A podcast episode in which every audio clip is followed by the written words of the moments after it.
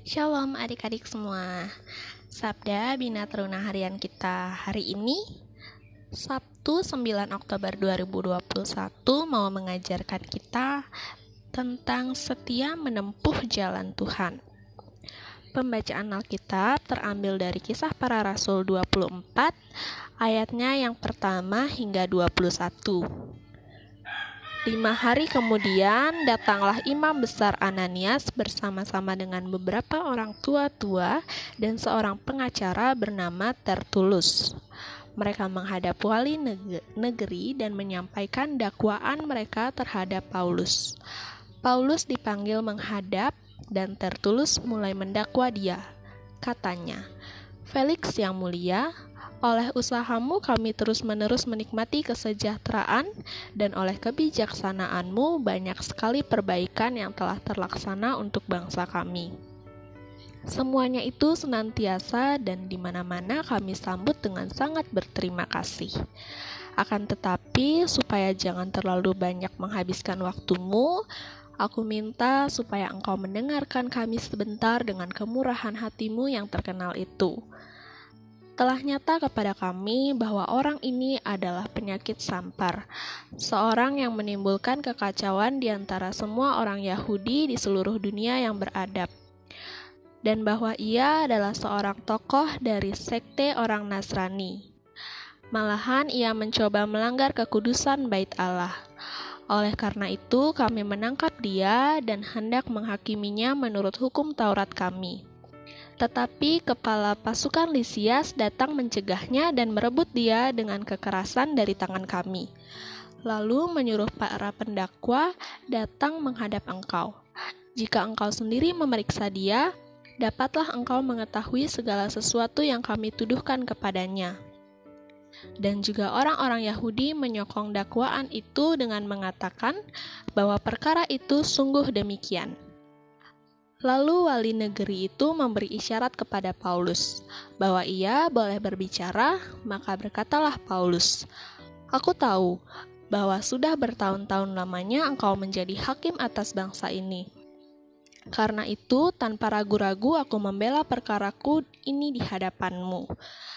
Engkau dapat memastikan bahwa tidak lebih dari 12 hari yang lalu aku datang ke Yerusalem untuk beribadah dan tidak pernah orang mendapati aku sedang bertengkar dengan seseorang atau mengadakan hura-hura, baik di dalam bait Allah maupun di dalam rumah ibadat, atau di tempat lain di kota. Dan mereka tidak dapat membuktikan kepadamu apa yang sekarang dituduhkan mereka kepada diriku. Tetapi aku mengakui kepadamu bahwa aku berbakti kepada Allah nenek moyang kami dengan menganut jalan Tuhan, yaitu jalan yang mereka sebut sekte. Aku percaya kepada segala sesuatu yang ada tertulis dalam hukum Taurat dan dalam kitab nabi-nabi. Aku menaruh pengharapan kepada Allah sama seperti mereka juga, bahwa akan ada kebangkitan semua orang mati, baik orang-orang yang benar maupun orang-orang yang tidak benar. Sebab itu, aku senantiasa berusaha untuk hidup dengan hati nurani yang murni di hadapan Allah dan manusia dan setelah beberapa tahun lamanya, aku datang kembali ke Yerusalem untuk membawa pemberian bagi bangsaku dan untuk mempersembahkan persembahan-persembahan. Sementara aku melakukan semuanya itu, beberapa orang Yahudi dari Asia mendapati aku di dalam bait Allah. Sesudah aku selesai mentahirkan diriku, tanpa orang banyak dan tanpa keributan, Merekalah yang sebenarnya harus menghadap engkau di sini dan mengajukan dakwaan mereka, jika mereka mempunyai sesuatu terhadap aku.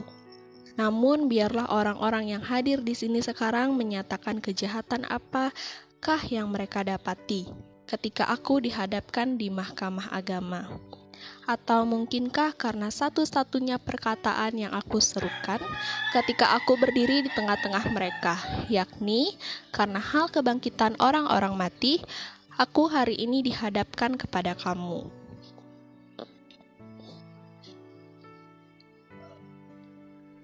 Sobat Taruna, kita pasti pernah berjalan menuju ke suatu tempat tujuan.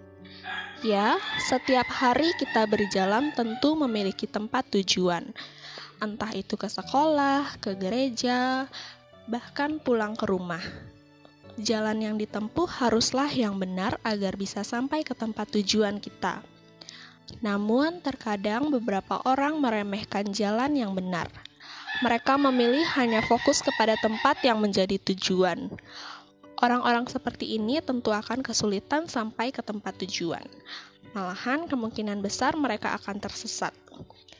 Sebab jalan yang benar akan menuntun kita sampai ke tempat tujuan dengan selamat. Lalu, bagaimanakah kita memahami jalan Tuhan? Bacaan Alkitab hari ini menceritakan tentang proses peradilan Paulus di hadapan Felix. Orang-orang Yahudi berusaha menjatuhkan Paulus dengan berbagai dakwaan di hadapan Felix. Walaupun demikian, Felix memberi kesempatan bagi Paulus untuk berbicara dan membela diri. Ini merupakan suatu proses peradilan yang benar dan teratur. Dalam pembelaannya, Paulus mematahkan semua tuduhan yang disampaikan oleh orang Yahudi. Ia menyatakan bahwa dirinya dibenci karena menganut jalan Tuhan. Jalan Tuhan yang dipahami Paulus oleh orang-orang Yahudi justru dipandang sebagai ajaran sesat. Itulah mengapa orang-orang Yahudi menyebut jalan Tuhan tersebut sebagai sekte. Sekte merupakan istilah yang dipakai untuk menggambarkan suatu ajaran yang berbeda dari pandangan agama yang lazim. Jalan yang benar membawa kita kepada tempat yang benar. Jalan Tuhan adalah jalan yang benar. Jalan Tuhan berarti jalan itu membawa kita kepada Tuhan. Jalan itu membawa kita untuk hidup sesuai kehendak Tuhan. Jalan itu sudah diperlihatkan kepada kita oleh Tuhan Yesus. Mari kita mengikutinya dengan keyakinan yang teguh apa pun risikonya. Mari adik-adik kita bersatu dalam doa. Terima kasih Tuhan Yesus, tadi kami sudah mendengarkan dan membaca sedikit renunganmu pada hari ini. Tuhan Yesus, mohon tuntun kami agar setia hidup di jalan kebenaranmu apa pun resikonya. Amin.